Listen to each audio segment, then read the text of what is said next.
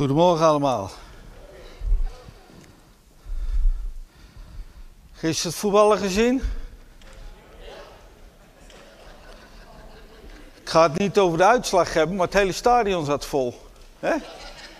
Ik hoop en we bidden dat hier, dit stadion, de Heer, ook weer op een dag vol mag zijn. Amen. En trouwens, wij hoeven niet te winnen. Dat hebben we al. Jezus is overwinnaar, of niet? Amen. Zo, kijken we naar uit. Ik wil zegen gaan vragen over het woord van God. Vader, we willen u danken, Heer, dat we zo hier bij elkaar mogen zijn, Heer. En ik meen het ook uit de diepste grond van mijn hart, Heer, dat Heer, de dag mag komen dat we, Heer, weer helemaal hier vol bij elkaar uh, met iedereen aanwezig zullen zijn om u samen gezamenlijk groot te maken, Heer. Natuurlijk, het is fijn dat mensen hier zitten en mensen achter de buis zitten, maar het is veel fijner als we allemaal hier bij elkaar en in de naam van Jezus bij elkaar mogen komen, Heer. En daar blijven we voor bidden met elkaar. Maar voor vandaag, wil ik ook een zegen vragen voor het woord, uw woord, Heere God. Heer, en ik bid dat het ingang mag vinden bij de, in de harten van de mensen door middel van uw Heilige Geest, Vader. In Jezus' naam. Amen. We gaan iets lezen uit 1 Koningen 19. Onze broeder Pim heeft het pas geleden gehad over Elia en Elisa. Nou, ik ben een beetje meer de kale versie, dus wie ben ik? Elia had meer haar, hè? Nee, ik ben geen Elisa, maar. Goed, 1 Koningen 19. En daar staat in vers 1, beginnen we te lezen. Agab vertelde Izebel alles wat Elia had gedaan, ook dat hij alle profeten ter dood had gebracht. Toen liet hij Izebel, toen liet Izebel Elia de volgende boodschap overbrengen. De goden mogen met mij doen wat, wat ze willen, als u morgen om deze tijd niet hetzelfde lot ondergaat als zij. Elia werd bang en hij vluchtte om zijn leven te redden. Bij Berseba in Juda aangekomen liet hij zijn knecht achter. En zelf trok hij één dagreis ver de woestijn in. Daar ging hij onder een bremstruik zitten, verlangend naar de dood en zei, het is genoeg geweest, heer. Neem mijn leven, want ik ben niet beter dan mijn voorouders. Hij viel onder de bremstruik in slaap. Maar er kwam een engel die hem aanraakte en zei, word wakker en eet wat. Elia keek op en ontdekte naast zijn hoofd een brood in gloeiende kooltjes gebakken en een kruik water. Nadat hij gegeten had en gedronken, ging hij weer onder de struik liggen. Maar de engel van de Heer kwam terug, raakte hem opnieuw aan en zei: Sta op en eet wat, anders is de reis te zwaar voor je. Elia stond op en toen hij had gegeten en gedronken, liep hij gesterkt door dit voedsel veertig dagen en veertig nachten door de woestijn, tot hij bij de Horeb kwam, de berg van God. Daar ging hij God binnen om de nacht door te brengen. Toen richtte de Heer zich tot hem met de woorden: Elia, wat doe je hier? Elia antwoordde: Ik heb met volle overgave ingezet voor de Heer, de God van de hemelse machten. Maar de Israëlieten hebben uw verbond met hen naar zich neergelegd, uw altaren verwoest en uw profeten gedood. Ik ben als enige overgebleven. En nu hebben ze het ook op mij voorzien. Kom naar buiten, zei de Heer, en treed hier op de berg voor mij aan. En daar kwam de Heer voorbij. Er ging een grote, krachtige windvlaag voor de Heer uit die de bergen spleet en de rotsen aan stukken sloeg. Maar de Heer bevond zich niet in die windvlaag. En na de windvlaag kwam er een aardbeving, maar de Heer bevond zich niet in die aardbeving. En na de aardbeving was er vuur, maar de Heer bevond zich niet in dat vuur. En na dat vuur klonk het gefluister van een zachte bries. Toen Elia dat hoorde, sloeg hij zijn mantel voor zijn gezicht. Hij kwam naar buiten en ging in de opening van de grot staan. En daar klonk een stem die tot hem sprak: Elia, wat doe jij hier? Elia antwoordde: Ik heb met volle, over, me met volle overgave ingezet voor de Heer, de God van de hemelse machten. Maar de Israëlieten hebben uw verbond met hen na zich neergelegd, uw altaren verwoest en uw profeten gedood. Ik ben als enige overgebleven. En nu hebben ze het ook op mij voorzien. Tot zover. Ik uh, vind persoonlijk de verhalen van Elia en Elisa vind ik schitterend. Als je die, uh, dus dat is zo in één teug doorleest, dan, dan, ja, dan word je echt opgebouwd. En uh, dan zie je wat er allemaal in het leven van zo'n profeet Elia gebeurt. En de laatste tijd ben ik een beetje geschrokken uh, over de dingen waar ik mee geconfronteerd ben. En uh, ik lees heel veel over zelfdodingen onder jeugd, christelijk, niet christelijk, ook ouderen. Mensen die geloven zijn dus ongelooflijk, raken depressief. En dat komt natuurlijk dat de, de wereld de afgelopen twee jaar behoorlijk veranderd is. En uh, ik voel me daar heel verdrietig onder als ik die verhalen lees. En ook behoorlijk machteloos. En daar wil ik het vandaag toch met u over hebben. En ook hoe, de, hoe Gods woord daarnaar kijkt. Ik wil met u hebben over depressie. En je kent het misschien wel, depressieklachten, concentratieproblemen, besluiteloosheid, een gevoel hebben dat je niks waard bent, vermoeidheid, verlies van energie, nachtmerries, niet meer goed kunnen studeren, verlies van eetlust, slechte schoolprestaties, gedragsveranderingen. En er zijn er nog veel meer. Ik ben natuurlijk daar geen geleerde in, maar er zijn een hele hoop van die zaken die u misschien wel herkent. En als je zo s'avonds eens naar het nieuws uh, luistert en op het laatst van het nieuws krijg je altijd het weerbericht. En uh, dan hebben ze het ook over depressies.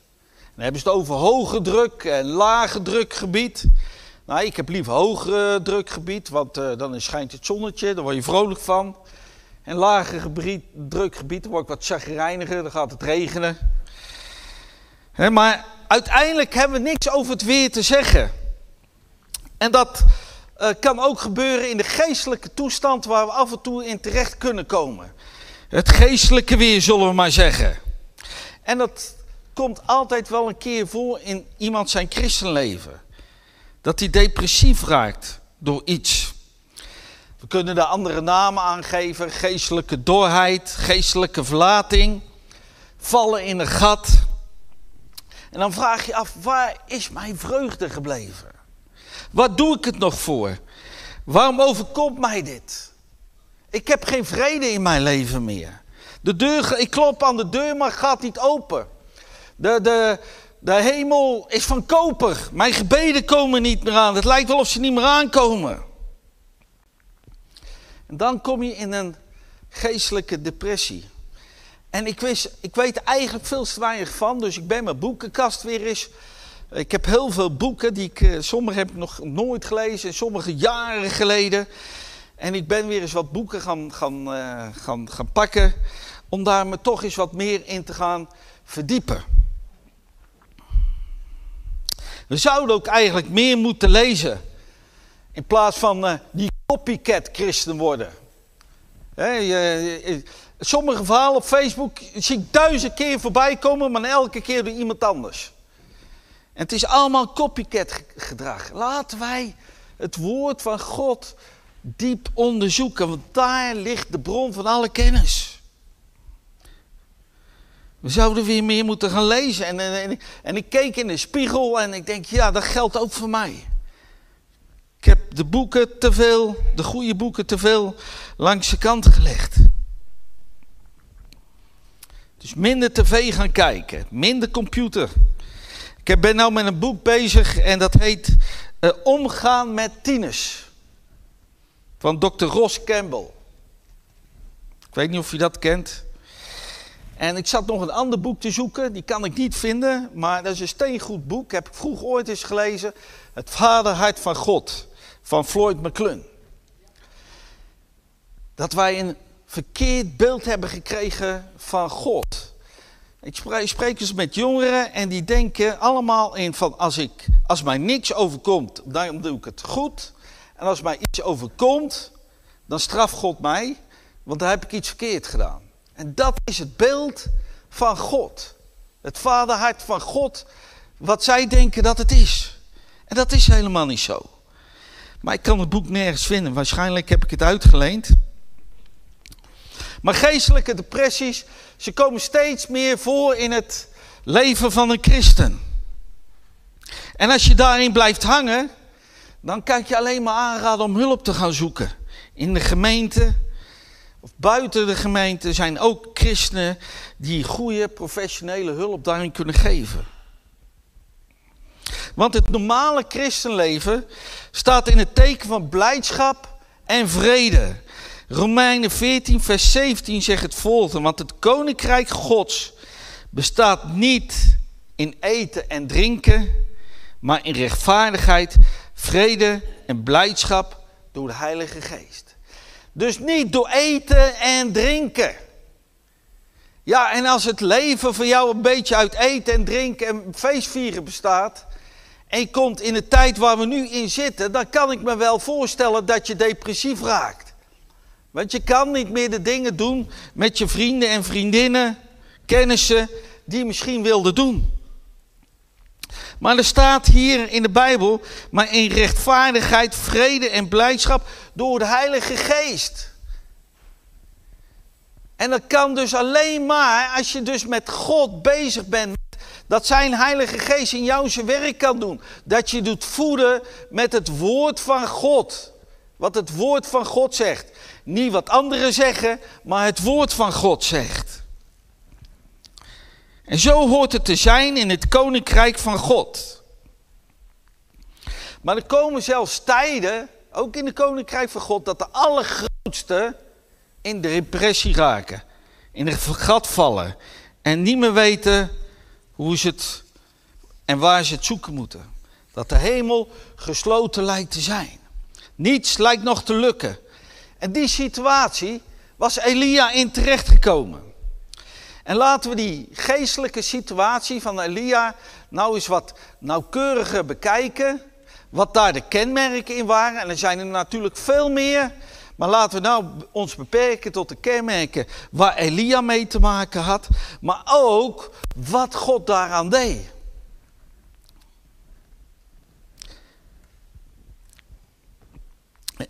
Hoe God ons daaruit helpt. Maar hoe kon zo'n man als Elia in zo'n situatie terechtkomen. Elia, een van de grote profeten, die met Jezus op de berg de verheerlijking stond, samen met Mozes. Elia, die de grote overwinning haalde daar op de Karmel. En alle profeten van Baal werden gedood. En het volk van Israël riep, de Heer is God. Elia die vol in zijn kracht stond. Hij raakt in een depressie. Hij viel in een zwart gat en niet zo zuinig ook. Maar laten we eens kijken waar het begon. Het begon naar het hoogtepunt. Naar het hoogtepunt, dus dat eh, eh, God met vuur had geantwoord op de berg Kamel, toen Elia dat offer had klaargemaakt. Daarna kwam die depressie. Hij had een heel groot geloof en hij deed het met God. Dat was een hoogtepunt. Hij had zijn leven daar op het spel gezet. Elia, die zo dapper is, zo ongeremd is. Kijk maar als je het hele verhaal van Elia leest, hoe hij optreedt tegen Agab en Izebel. Niet de man die bang lijkt te zijn, hij lijkt nergens bang voor te zijn. Totdat die dreigbrief komt van Izebel na die dag daar op de kamel. En Elia, hij valt in een gat. En zelf heb ik het ook een paar keer in mijn leven mee mogen maken, dat ik in een gat viel. En dan ga ik ook bij mezelf te raden, hoe, hoe, wat is er gebeurd? En meestal gebeurt het na een krachtinspanning. Een geestelijk hoogtepunt. Misschien als je op opwekking bent geweest. Je hebt een hartstikke leuk weekend gehad met je broeders en zusters. De Heer loven en prijzen. En je komt thuis en je valt in een gat. Of je hebt een evangelisatieactiviteit meegemaakt. En die Heer heeft zo gezegend. En zelf heb ik het meegemaakt aan de sterfbed van mijn broer. Dat ik hem Heer mocht leiden. En het voelde als zo'n grote overwinning. Maar de dag daarna kwam daar die leegte, het verdriet. En ik viel in een gat. En dan staat de boze daar klaar om te proberen om je te slopen. En in dit geval was dat door Izebel heen, in het geval van Elia. En Elia, hij zakt weg in een diep dal. En de eerste kenmerk wat ik gaan, wil gaan bespreken is Elia, hij werd beangstigd door de omstandigheden. Hij werd beangstigd door het feit dat Izebel hem naar het leven stond en hem wilde doden. Maar weet u, er was niets nieuws. Want voor die grote dag op de Karmel was die situatie precies hetzelfde. Elia en, en, en, en, eh, en Aga, of Izebel en Agab moesten Elia sowieso niet. Izebel had liever Elia sowieso al dood. Ook voor de kamel was de situatie van wat hij was. Eigenlijk was daarin niks veranderd. En toch leek dat wel zo te zijn voor Elia. En hij maakt zich klaar. Hij is beangstigd, hij is angstig geworden. Hij kon er niet meer tegen. Hij, die het altijd Agap en Izebel het hoofd uh, bood, niet bang was. Er was schijnbaar een druppel die de emmer deed overlopen, zoals we dat zo mooi zeggen in Nederland. Was het die hoge inspanning, die dag daarvoor, daar op de Karmel? En is dat precies niet zoals het bij ons ook gaat in ons leven? Dat er een druppeltje komt in ons leven die de emmer doet overlopen. De druk wordt even te zwaar. En Elia in dit geval bezwijkt. Hij let even niet op op de golf en op de wind.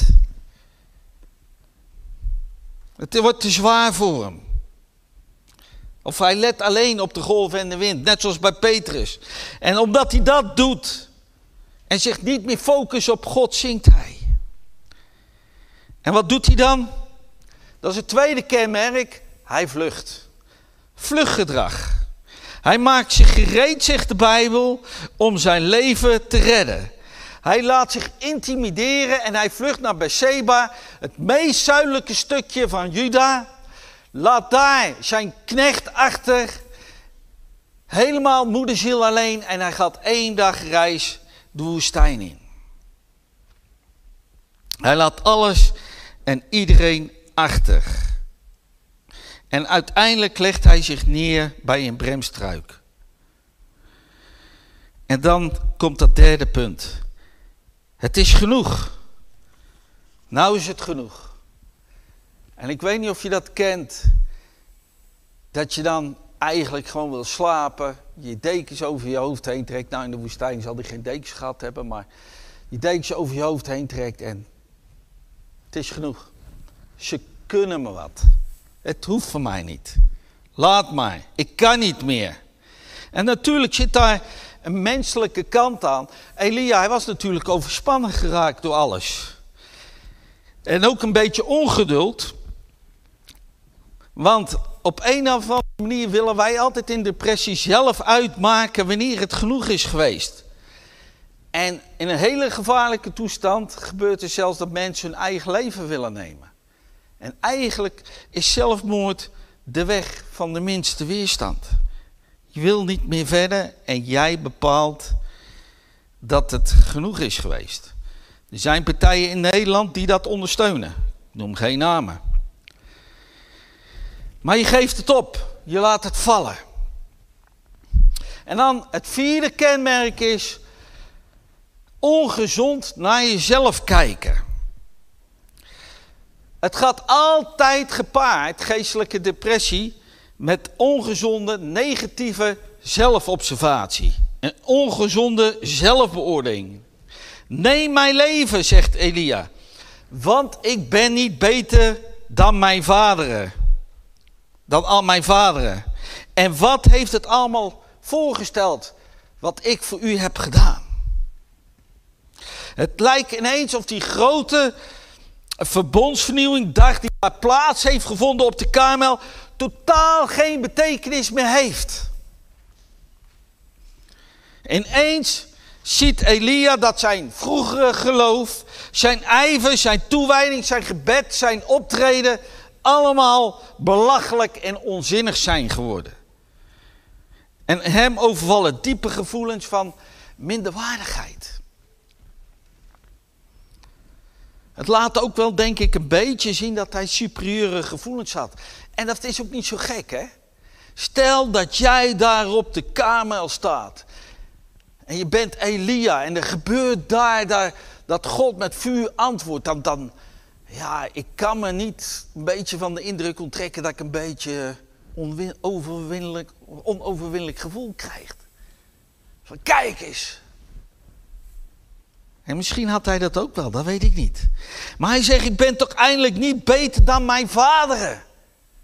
Hoezo, Elia? Had jij gedacht dat je beter was dan je vaderen?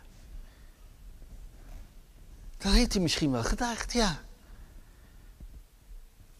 Misschien was hij een beetje boven zichzelf uit gaan stijgen. En dan is de duivel er als een kippen bij om je mee te slepen en al jouw vruchten in je leven eigenlijk kapot te maken, verrot te maken. Alles af te breken. Dus vier kenmerken van Elia in deze situatie.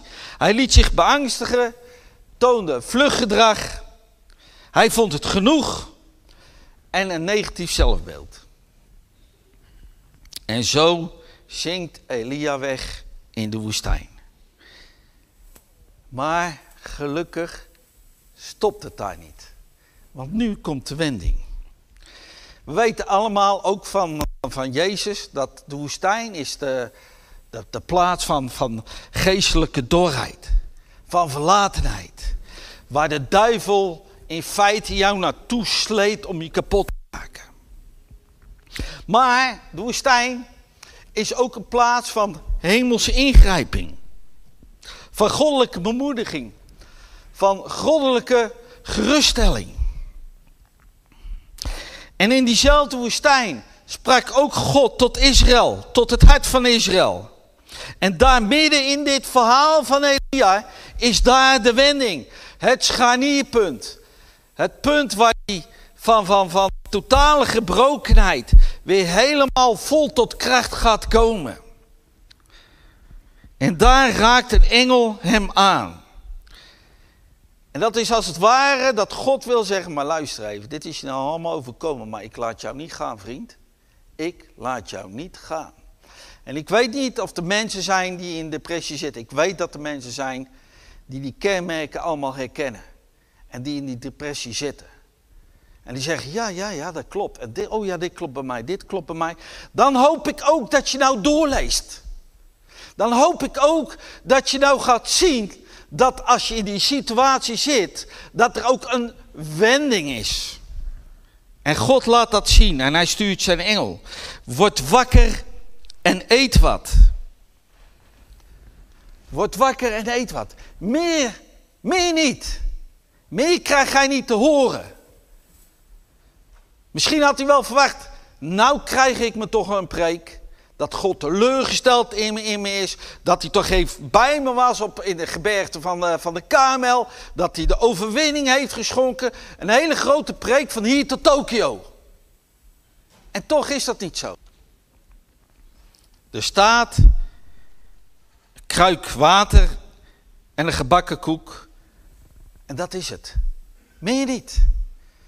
Weet u, de fout die ik heel veel maak, als mensen depressief zijn, is dat ik uit alle macht, alle bijbelteksten erbij probeer te halen en, en te doen om die persoon maar uit die depressiviteit te krijgen. Natuurlijk, op zich is dat goed, want je houdt van zo'n persoon. Alleen, de bedoeling is goed, zo moet ik het zeggen. Maar daar zit het vaak niet in. Het zit hem vaak in eenvoud. Als iemand depressief is, dan zullen we even samen een kop koffie gaan drinken? Of zal ik eten maken? Of zal ik een keer je huis poetsen? Praktische hulp. Zal ik met je meegaan? Ja, ik durf daar en daar niet heen. Nou, dan ga ik toch met jou mee. En dat zijn dan de engelen die God stuurt op je pad.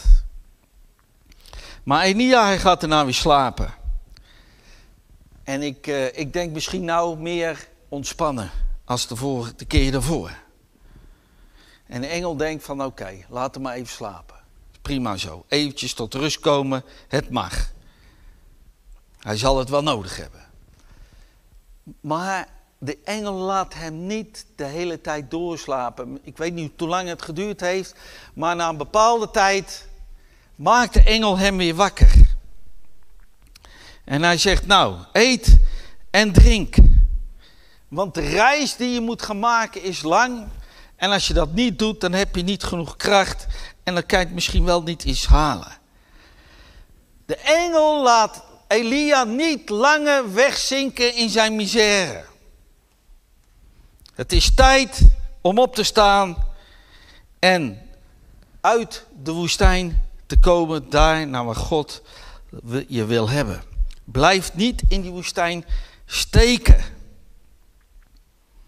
Israël bleef ook 40 jaar in die woestijn steken. En er staat er in vers 8, toen stond hij op en dronk en ging door de kracht van de spijs 40 dagen en 40 nachten tot aan de gebergte Gods horen. Elia ging precies dezelfde weg die Israël had gedaan en 40 jaar over had gedaan. In 40 dagen en nachten. Alleen er is één groot verschil. Hij ging in de omgekeerde richting. Elia was al in het beloofde land en ging naar de Horeb. En Israël moest nog naar het beloofde land toen ze bij de Horeb waren. De omgekeerde route.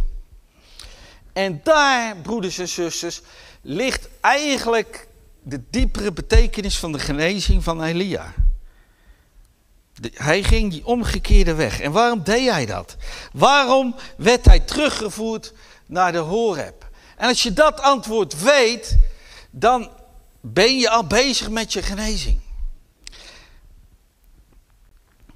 Want op de Horeb werd de grondslag gelegd van het verbond dat God maakte met Israël. Het omgaan van God met Israël. Je zou eigenlijk kunnen zeggen, daar werd het trouwbriefje ondertekend. Ik ga met jullie verbond aan. Natuurlijk is ook een verbond, hè?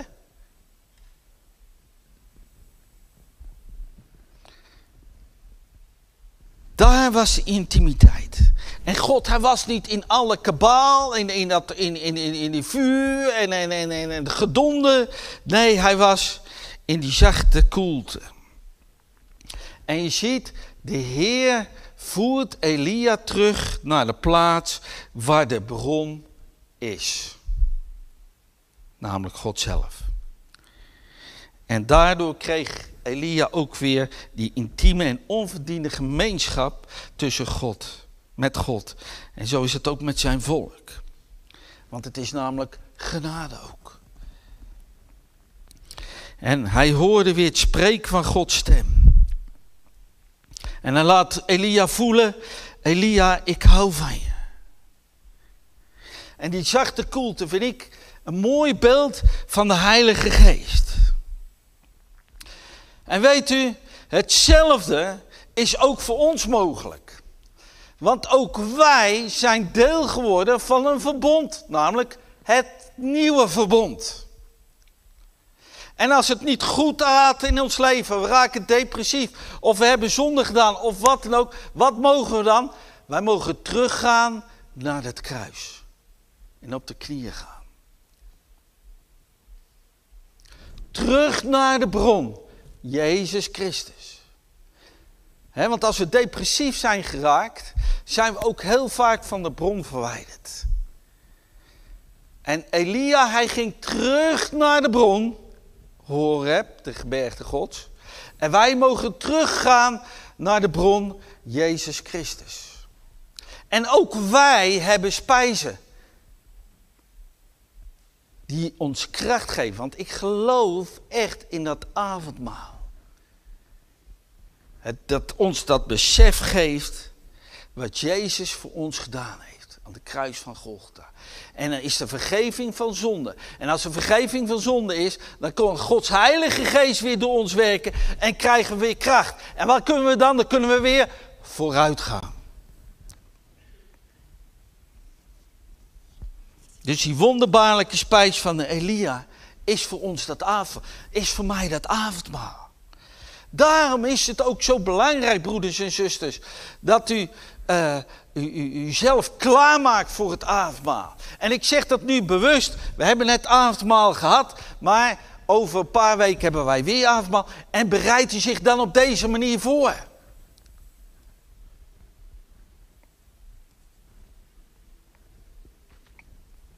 Wij mogen gaan terug naar de kruis. Wij mogen gaan naar die Jezus die opgestaan is uit de dood.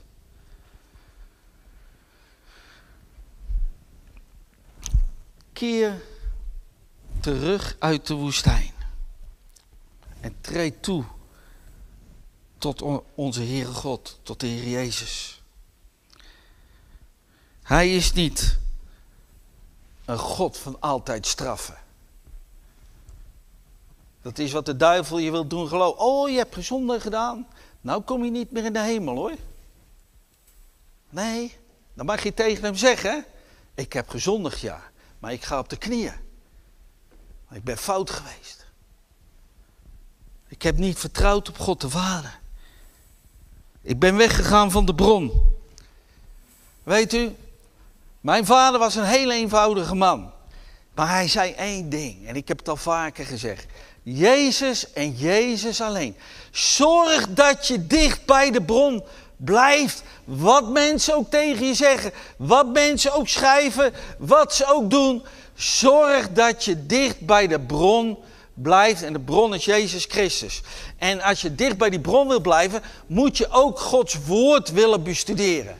En ga je zelf na Hoeveel tijd besteed je daar nog aan?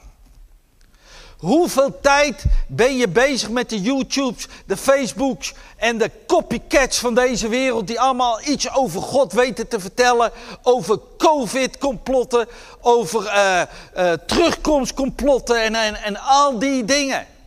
Hoeveel tijd ben je daarmee bezig? En hoeveel tijd ben je bezig met de bron? En als je dan ziek wordt en depressief wordt van wat je allemaal overkomt, weet dan bij welke bron je moet zijn. Bij deze bron moet je zijn.